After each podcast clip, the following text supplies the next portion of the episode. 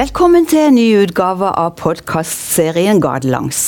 I dag skal vi snakke om silokaia.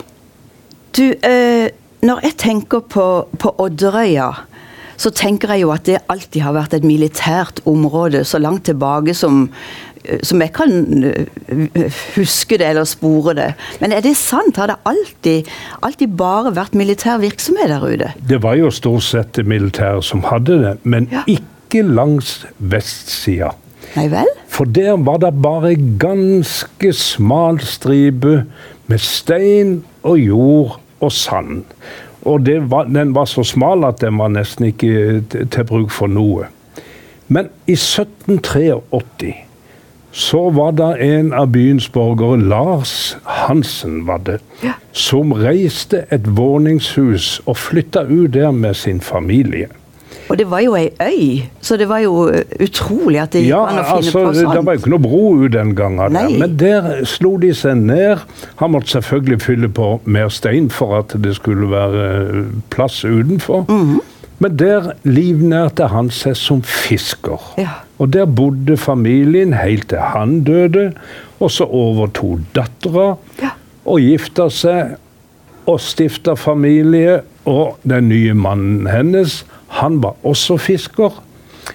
Og i tillegg så var han og hjalp i havna med å frakte varer.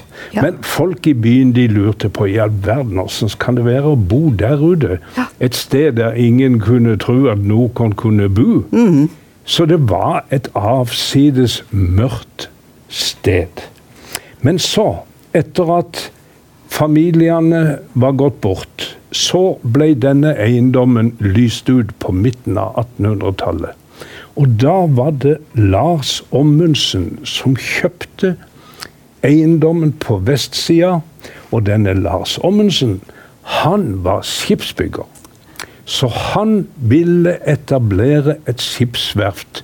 Og for å få det til, så måtte han jo fylle på enda mer stein. Ja. Og så etablerte han firmaet Odderøens skipsverft. Ja, og denne Lars han må ha vært en utrolig dyktig mann på mange måter.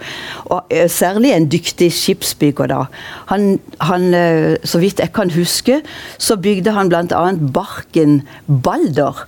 Og det skal ha vært den aller første, det aller første skipet fra Kristiansand som runda eh, Kapp Horn. Stemmer ikke det? Jo, det stemmer, og det var jo litt av en affære. Altså. Ja, og da han gikk bort, så var det hans tre sønner som, som overtok der ute. Det vil si den ene, Thomas, han ble skipsfører og reiste selvfølgelig til sjøs store deler av sitt liv. Men de to andre, Harald Peter og Lauritz, de to ble værende der ute på dette byggeriet.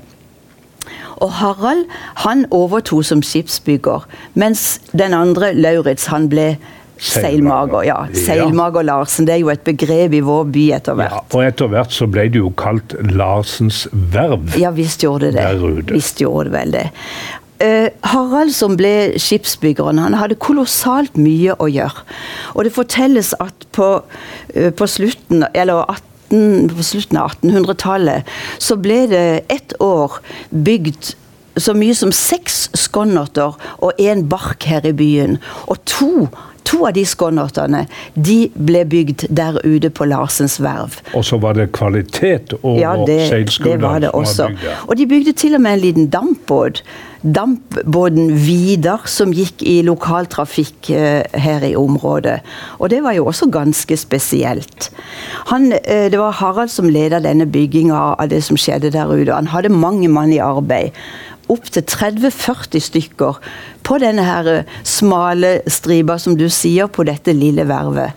Men så trengte de jo et mekanisk verksted. Ja. Så i 1911 så kom det ut en kar som heter Peder Høyvold. Hadde han noe med denne Larsen-familien å gjøre? Ja, for han, bygd, han satt opp et lite skur som skulle være mekanisk verksted. Ja, og han leide vel kanskje Han leide vel grunn der ute hos Larsen? Ja, det gjorde han, og siden plassen var så smal, så sto det der skuret halvveis oppe på et av gravskjærene. Mhm. Men det, det må ha vært for trangt selv for Peder Høyvold, for etter et par år så var han på utkikk etter en ny tomt. Mm. Og da kom han ut i Kuholmen. Ja. Langs Kuholmsveien. Og så ned der i, på den steinfyllinga som var på nedsida. Og den var vel ikke heller bredere enn den, Den som var var ute på Odderøya? bredere, men han fant iallfall ut at der ville han flytte det Ja. mekaniske verkstedet. Og, så satt, og dette fra gammelt av, så var dette stedet som ble kalt Vaskervigen. Ja visst. Der konene i det området var nede og vaska tøy. Så der etablerte han sitt mekaniske verksted. Og jeg vet at han produserte bl.a. glødlamper en periode, men så gikk han over til skipsbygging, han også. Ja. Og det første nummeret i rekka, det var skoleskipet Sørlandet, som var ferdig i 1927. Ja, riktig. Bygge nummer én, hva? Og det er jo ikke for ingenting at det heter Høyvoll brygge, akkurat dette området. Det er jo hans navn som er knytta til, til hele dette boligstrøket. Eh, det var sånn at eh, den gode Harald Peter, han var ikke bare en dyktig skipsbygger og en flink arbeidsleder. Han var også et stort og hjertevarmt menneske, og veldig godt likte arbeiderne sine. Eh, ganske tidlig på 1900-tallet så leide han ut tomt og bygning til Odderøens skip- og mekaniske verksted. Og etter å ha overlatt eh, hele firmaet til sin sønn, som dessverre døde ganske fort etterpå, så solgte sønnens enke hele dette skipsbyggeriet videre nettopp til Odderøen skip- og mekaniske verksted. Så da var det ute av familien, eh, av familien Larsen. Han døde som en gammel mann, han var 83 år gammel. Eh, og like etter, det var ikke så veldig mange år etter, så skjedde det ting der ute nettopp pga. dette med silokaia, som, som vi vel kommer til etter hvert. Men en liten gøy ting. Jeg husker at for noen ganske få år siden så var det en av familien Larsen, en av etterkommerne, som kom til eh, Bentein som da var direktør for Kilden, med den matklokka som hadde hengt utenpå Larsen, ute på Larsens verv. Og den tenkte han kanskje kunne være en gave til Kilden, som var bygd akkurat på denne tomta. På samme tomt, ja. ikke sant? Og så tenkte han at kanskje kunne den brukes når folk skulle kalles sammen til ro i foajeen i Kilden, eller et eller annet sånn. Så den er altså kommet tilbake igjen til sitt uh, fødested i Gåsøyne. Ja.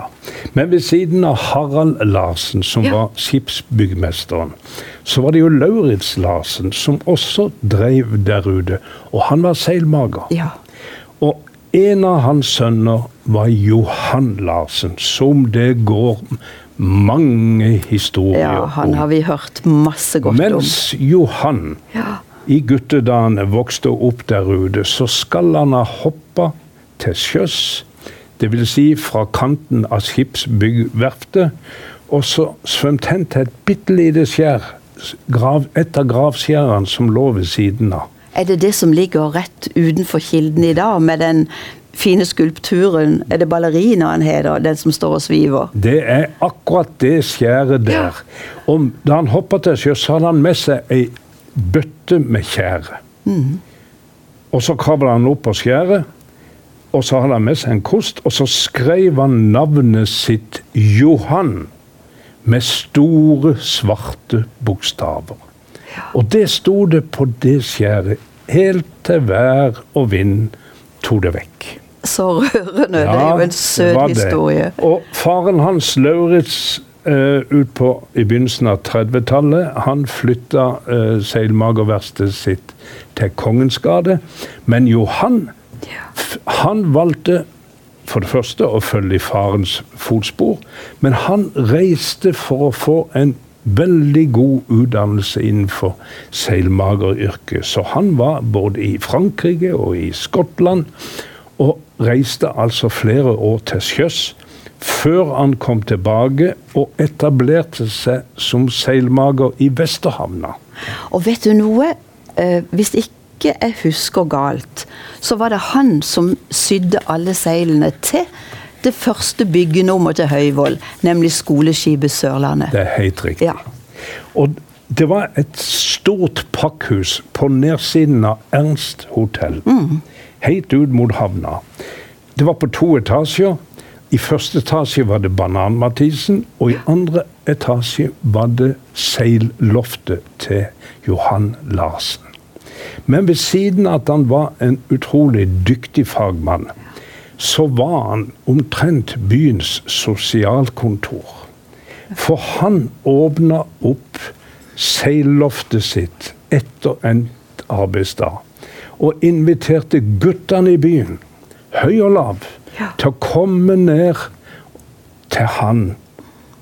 For, å, for å lære sjømannskap, var ikke det en av ideene? Jo, de lærte uh, disse forskjellige knutene Og knop, ja. Og de lærte å sy Ja. matrosluer. Og, de, uh, og så fortalte han de om sjømannslivet. Men hver gang når de kom ned, så starta han med en, uh, En andakt, var det ikke det? andakt for alle sammen. Og denne store, lille mannen, for han var ganske liten i størrelse, han samla altså hundrevis av byens gutter som møtte opp. Og en vi intervjua for mange år siden, fortalte at i fire år så gikk han ned til seilloftet, og det var bare én gang han var så sjuk at ikke han kunne klare å komme. For de var så glad i denne mannen. Ja, men han var nok et fantastisk menneske. Og så tok han jo disse guttene med seg på sommerleir til Øvrebø, f.eks. Og der oppe fortelles det også at han bygde et stort skip som, på land, Ja. som ligna på skoleskipet Sørlandet. Og så fikk guttene da forskjellige slags uh, jobber om bord. Eh, som var relatert til sjømannskap. En var kaptein, en Ja, var styrmann, en var dekkskutt. dekksgutt. Ja. Det var helt utrolig. Og Altså. han kunne holde disse guttene der oppe i åtte-ti dager. Og det var jo en opplevelse for disse guttene fra Kristiansand å komme både på landet og få en sommerferie og oppleve akkurat dette eventyret. Han sto og talte for dem en kveld da timen var kommet, og han bokstavelig talt døde der og da. Og det fortelles at på hans begravelse i 1938 så var det en lang kø med disse guttene, seilloftguttene, med selvsydde matrosluer som fulgte han til graven. Og jeg vet at de også samla sammen penger så de kunne lage en fin minnestein etter han. Og den står på kirkegården den dag i dag. Med motto 'Kom nå, gutter'. Sett kurs for himmelen. Ja, det er jo helt, Ja. helt rørende.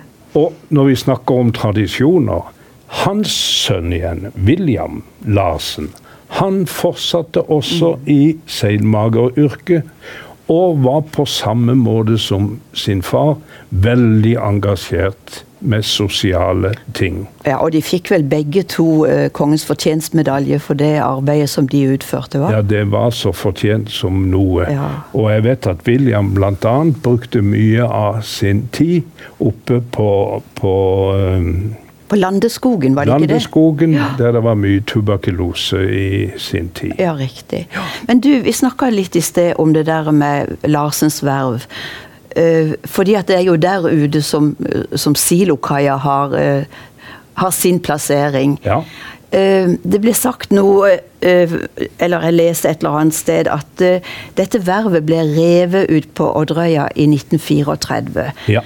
Fordi da hadde den nye tid innhenta oss. ja. Og det var flere årsaker til at det ble revet. Fordi at uh, amerikabåtene Ja. Amerikabåtene, når de kom til byen, det var noe av det største som skjedde i byen. ja. Og fra gammelt av, på 1800-tallet, så var det ei spinkel, lang brygge uten tak, skjedd eller noen ting, helt øverst i Vesterhavna. Omtrent der hvor Color Line ligger. Omtrent Ja. der. Reinhards brygge ble det kalt. Ja. Og der la seilskutene til, som skulle frakte folk over til dette Mm. forjettede landet. Og en kan jo tenke seg familier som kom fra Lista og fra oppe i Setesdalen ja, og fra byen. Ja. med kofferter og greier ut på denne brygga. Men etter hvert, som, eh, etter hvert så ble det veldig vanskelig å manøvrere seilskuta helt inn, inn i Vesterhavna. Så da ble disse amerikabåtene liggende for anker ute på Vesterhavna. Og hvordan klarte de da å, å få folk og gods frem og tilbake mellom ja, skiv og land? sendte kystbåter, de små kystbåtene våre. De ble sendt ut for å ta imot passasjerer som skulle i land, Mm. og varer som skulle i land. Og så henta de inne på kaia i Vesterhavna folk som skulle reise videre. Men etter hvert som disse skipene ble større og større, og større, så må det jo ha vært litt av en Ja, det var jo det som var problemet. Ja. For mens eh, disse utstikkerbryggene våre var fremdeles veldig små, Ja. og det samme var jo disse kystbåtene, så ble, jo de, så ble de jo kolossalt svære, disse amerikabåtene. Mm. Og det betydde at de som skulle av i Kristiansand, av passasjerene, de måtte gå ned en leider. Og den ble etter hvert så bratt, fordi lang, høydeforskjellen ja, var så stor, at passasjerene nekta rett og slett å gå ned på en kystbåt. ja, Og i dårlig vær så må det jo ha vært livsfarlig. Ja, og du kan jo tenke deg tante Ruth med blågrått hår. Det var ikke tale om. Og da hadde byen et problem.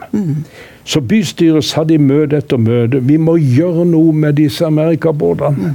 Vi må eh, Hva skal vi gjøre for noe? Var det mange som sa. For vi har ikke penger til det. Ja, de måtte ha ei kai der de kunne legge inntil. Så etter mange diskusjoner, og dette var på 1930-tallet, der verdensøkonomien Ja, var på det det var jo helt på så, sad, så vedtok bystyret med én stemmes overvekt at selv om ikke vi har penger, så må vi bygge en kai, og den kan vi bygge ute på På Odderøya. Odderøya, det som vi kaller silokaia. Ja, og det var jo da den gamle tomta til Larsens verv. Det var nettopp der. Så derfor måtte det rives, og så skulle det bygges opp den der kaia. Men så skjedde det utrolige at For det var jo med gråden i halsen at det ble vedtatt. Ja, du kan skjønne det. Så 14 dager etterpå det vedtaket, så kom Stavangerfjord. En blikkstille førjulsdag inn mot byen. Og så greide han å legge til ved ei av disse spinkle utstikkerbryggene. Og der lå han. Og da kom bystyret sammen. Siden den klarte å komme inn, så, og siden ikke vi hadde penger, så gikk samtlige inn for å utsette hele bygginga av ei dypvannskai til de hadde råd til det. Men så gikk det bare 14 dager til. Ja. Og du kan tenke deg innkalling til ekstraordinært eh, møte i bystyret. Ja.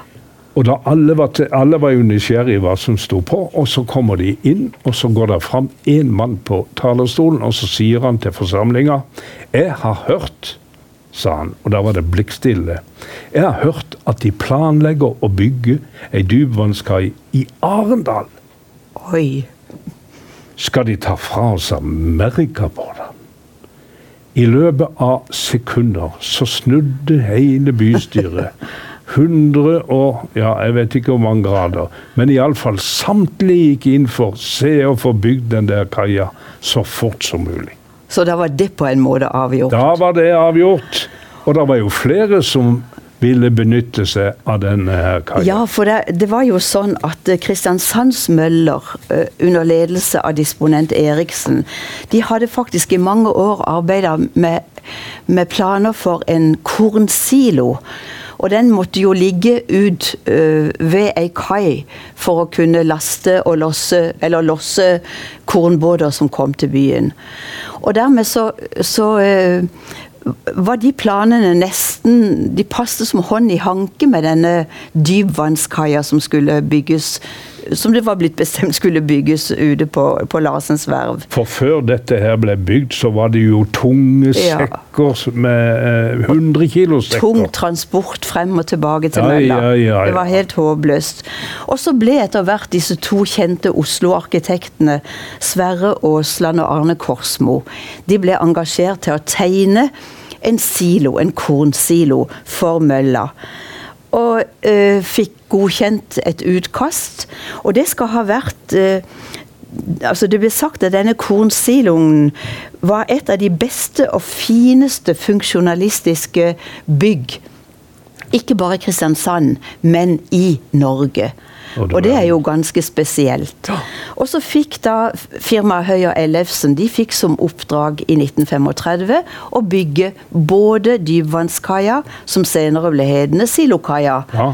og selve denne kornsiloen. Så det var en lokal entreprenør. Ja, og det var veldig godt for byen, tror jeg, på alle måter. Ja, ja. Ikke minst fordi vi var i så vanskelige økonomiske tider. Ja. Så da var det mange som kunne få arbeid. Ja, det var der. Men denne siloen den ble bygd i løpet av tre uker, fortelles det. Og det er jo ganske utrolig å tenke på. Men det var eh, et nytt prinsipp som eh, plutselig var aktuelt å bruke. Et såkalt glideforskalingsprinsipp. Bygde seg oppover. Ja, de bygde seg oppover. Armert betong, og så ble denne Før betongen var helt tørr, så ble eh, forskalinga trukket høyere oppover. Og det ble fylt på ny betong med armering oppover og oppover til de hadde nådd den høyden som de skulle. Og det fortelles at dette her ble et utrolig sterkt byggverk. Det var en ny og revolusjonerende måte å bygge på, faktisk.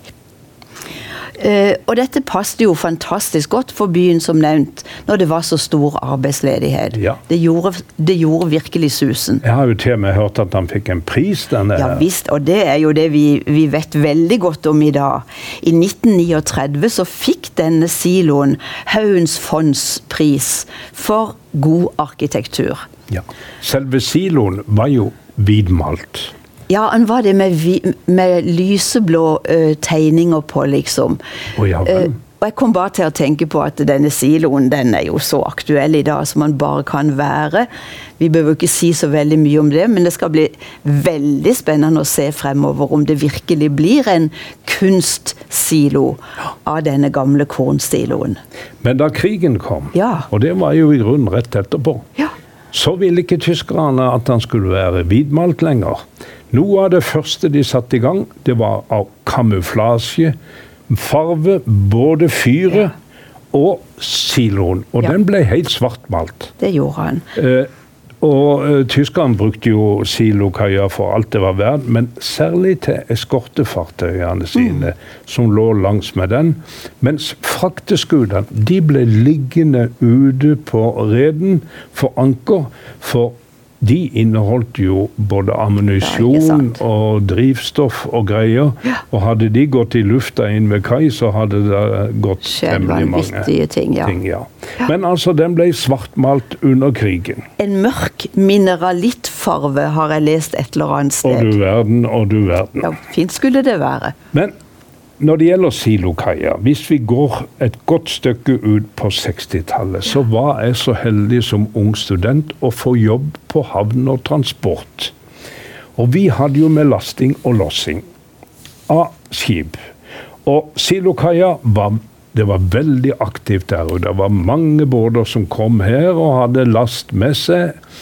Eh, og vi husker vi lossa jern, og det var papir, og det var stykkgods og mange ting, og til og med biler.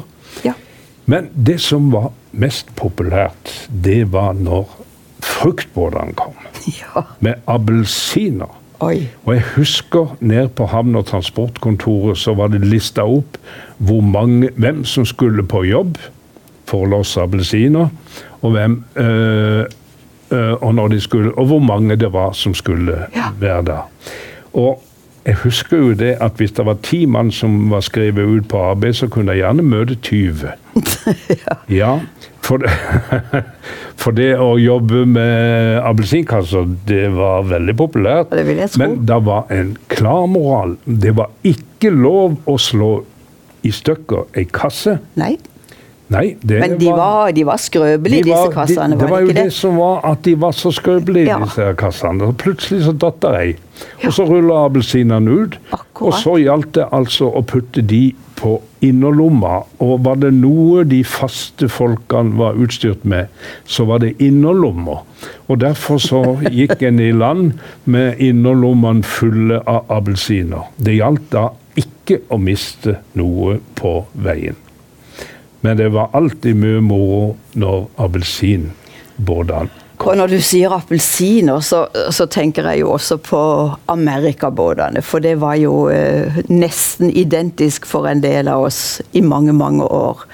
I 36 så var jo både siloen og silokaia klar til bruk.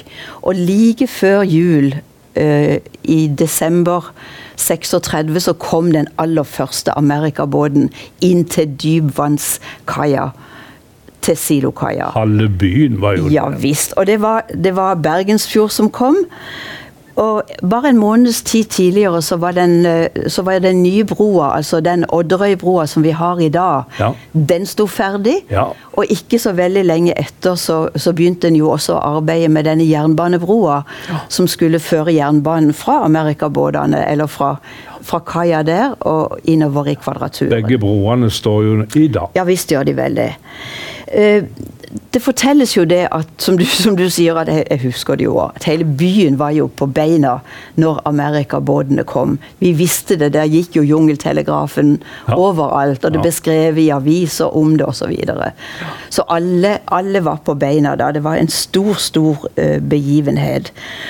Og når da denne båten seig inn til, til kai, så, eh, så sto folk som sild i tønne. Og det var lagd et, eh, et gittergjerde, et sikkerhetsgjerde. Ja, et godt jeg, ja. stykke inne på kaia, så folk ikke skulle gå i sjøen. Og ikke skulle bli klemt mellom båten og, og, og kaia. Men det gikk jo an for guttene å krype under? Ja, men uh, det var vakter, så du ble nok nokså fort geleida ut igjen hvis du prøvde det, på det. Aller første tida så var det ganske primitivt nede på Silokaia for, for, passasjerene. De kom jo i land på en veldig, veldig lang landgang. Ja. Og så måtte de traske til fots, faktisk helt bort til Smiths kai. Og Der ble all bagasjen kjørt dit, og der foregikk fortolling og alt det som skulle foregå før folk fikk slippe ordentlig tilbake igjen og inn i, inn i byen. Men så etter hvert? Ja da. Etter hvert så, så, så ble det ordna også sånn at folk kunne komme inn i et, et skjedd. en uh, altså nede på Silokaia. Ja. Og der inne var det jo et yrende liv. Der var det tollere uh, som sørga for å få utlevert bagasjen. Det var tollkontroll, det var avkryssing av alle disse trønkene som skulle um, fordeles blant uh, passasjerer. Og så var det altså mange vakter da. Og så ikke minst var det mange glade norsk-amerikanere som kom tilbake igjen til byen, og som så frem f.eks. til en julefeiring. Og øh, Julebåten den var nok den helt spesielle for oss alle sammen. Jeg snakka litt om appelsiner i sted. Mm. Men vi husker jo når den runda Odderøya, den julebåten, med juletre som lyste i toppen på ei av mastene og seig inn til land. Og det var hundrevis av passasjerer som sto og kikka. Og så var det mange småbåter som fulgte med. Ja, det var der. Og så var det jo julenisse om bord, ikke mm. sant. Og han var jo raus, for han hadde sekken full nettopp av appelsiner, amerikansk tyggegummi. Ja. Og det ble kasta ut til alle som sto. Ja visst, og det var jo amerikanske penger. Det var jo så stas som det gikk an å få tak i dette her. Helt, det var et levende liv. Og på kaia var det av og til et musikkorps. Og de spilte gjerne både den amerikanske og den norske nasjonalsangen. Det var folkedansere som dansa og tok imot passasjerer. Det var et fantastisk folkeliv. Noe av det største da var, det ja. var når amerikabåten kom. Ja, og noe av det andre, nemlig når amerikabåten forlot Kristiansand igjen og seig langsomt ut og skulle runde Odderøya, og du hørte tre lange pip fra skorsteinsfløyta. Oi, oi, oi. Når tid var det slutt på amerikabåten? Ja, det var, eh, det var vel den siste båten runda Odderøya i 1994. Og det var, nei, 74. Unnskyld, 74, unnskyld. Og det var også en julebåt. Ja, og da hadde flyene overtatt. Ja.